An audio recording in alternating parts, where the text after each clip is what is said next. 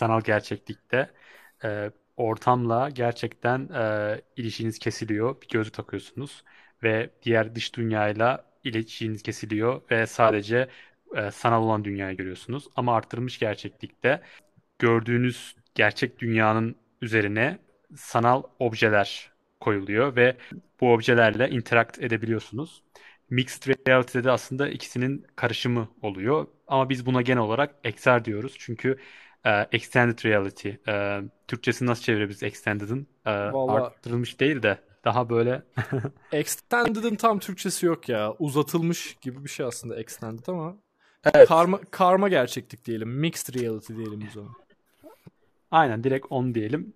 Şimdi e, eğer VR e, aslında çok tarih tarihe girersek 20-30 seneden beri var diyebiliriz. Ama son 5 yıldır e, Facebook'un Oculus'u satın almasıyla evet e, Oculus'un satın alınmasıyla birlikte Facebook tarafından e, çok daha e, hızlı bir sürece girdik. 2019 yılında Oculus Quest'i çıkardı. Quest ilk standalone yani bilgisayara ihtiyaç duymayan sanal gerçeklik gözlüğü. E, bu çok büyük bir olaydı. Çünkü 2019 öncesinde sanal gerçeklik e, deneyimlemek için çok e, pahalı bir bilgisayara ve tabii ki de pahalı bir VR gözüne ihtiyacınız vardı.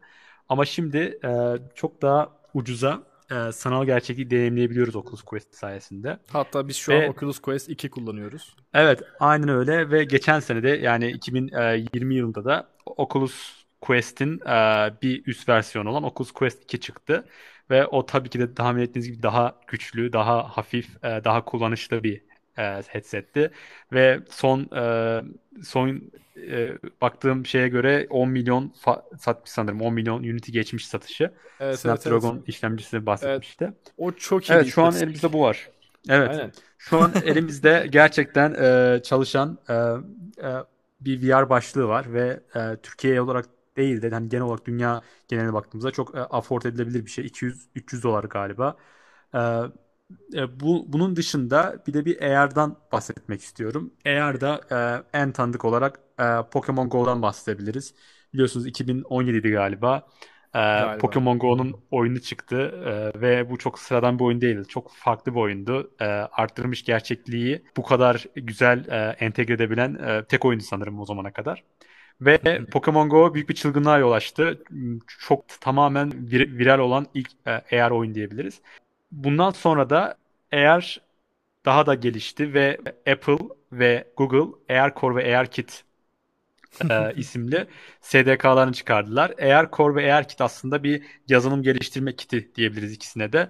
E, mobil uy- telefon ya telefonunuzun kamerasını e, daki gelen verileri kullanarak dış dünya dış dünyanızdaki e, konumu e, telefonunuzun konumuna göre eşlendirerek e, sanal objeler yerleştirebiliyorsunuz. E, ve ilk başta tabii ki e, floor düz e, düz yüzeyleri algılama e, burada çok önemli. Çünkü düz yüzeyi algıladığınız zaman e, telefon bunun o yüzeyin nerede olduğunu bilebiliyor matematiksel olarak ve e, sanal bir obje yerleştirdiğiniz zaman o obje sanki oradaymış gibi objenin e, transformuna yerliyor ve sanki gerçekten oraya bir obje koymuşsunuz gibi oluyor. E, şimdi son bu yani bu yıldan başlayarak bu dünyalar iç içe geçmeye başladı. E, şu anda Oculus Quest 2 sayesinde çok sağlıklı bir VR ekosistemi var. Büyük, çok e, büyük oyunlar GTA gibi, e, Resident Evil gibi oyunlar e, VR geliyor. E, tabii bunların olması e, daha da e, çok kişinin VR denemesini e, sağlıyor. Mesela geçen bir arkadaşım şey dedi ben hani VR almak istiyorum dedi ve bayağı böyle sanki PlayStation, Xbox almak istiyormuş gibi dedi. Hani burada bir şeylerin döndüğünü biliyorlar insanlar ve e, daha da artacak. 2021 gerçekten çok hızlı bir şekilde e, VR e, sektörünü büyütecek ve 2022'de çok çok farklı şeyler göreceğiz. Şimdi Web3, e, kripto, NFT bu konulara girelim e, istersen. Şimdi Metaverse'ten bahsedelim aslında ilk başta.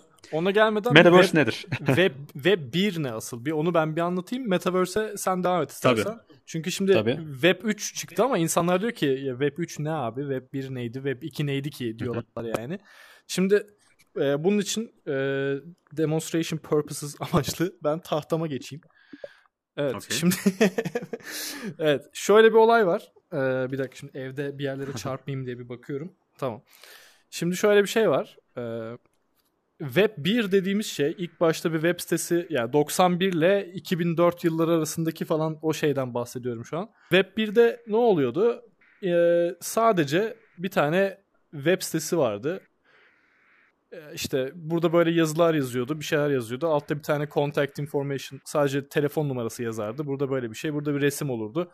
Bu kadar. Yani başka hiçbir şey yoktu. Sonra Web 2 ile ne oldu?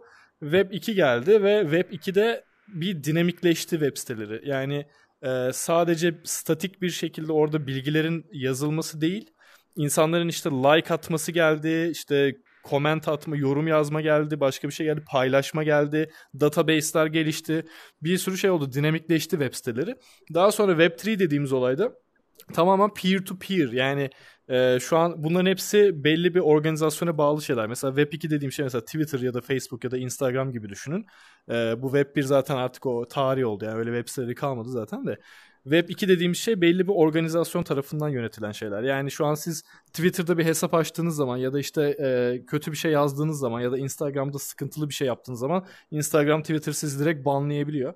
E, direkt yok oluyorsunuz oradan çünkü belli bir organizasyona bağlı ama Web3'nin yani Web 3.0'nun yaptığı şey tam olarak peer to peer yani o insanlar arasındaki birebir iletişim ve bir e, organizasyona bağlı olmadan. Buna da zaten evet. e, DApp deniyor. Şöyle Decentralized. Aynen. Decentralized Applications. Tam doğru mu yazdım bilmiyorum ama. Ee, bir de şey var. DAO var. Bu arada tahtayı o kadar verimsiz kullanıyorum ki şu an. Üzüldüm yani ama neyse. DAO'da Decentralized Autonomous Organizations. Yani bir merkezi olmayan, merkeziyetsiz, hı hı. otomatik olarak kendi kendine işleyen organizasyonlar. Şimdi ben bu e, küçük brief'i yaptım. Sen devam et abi. Bu developer olarak daha düzgün anlatırsın. Ee, bence Web3'ü gayet iyi anlattın. Benim çok ekleyeceğim bir şey yok aslında onun üzerine. Ee, ben aslında birazdan Metaverse'den bahsetmek istiyorum. Ee, Bahset Metaverse, Metaverse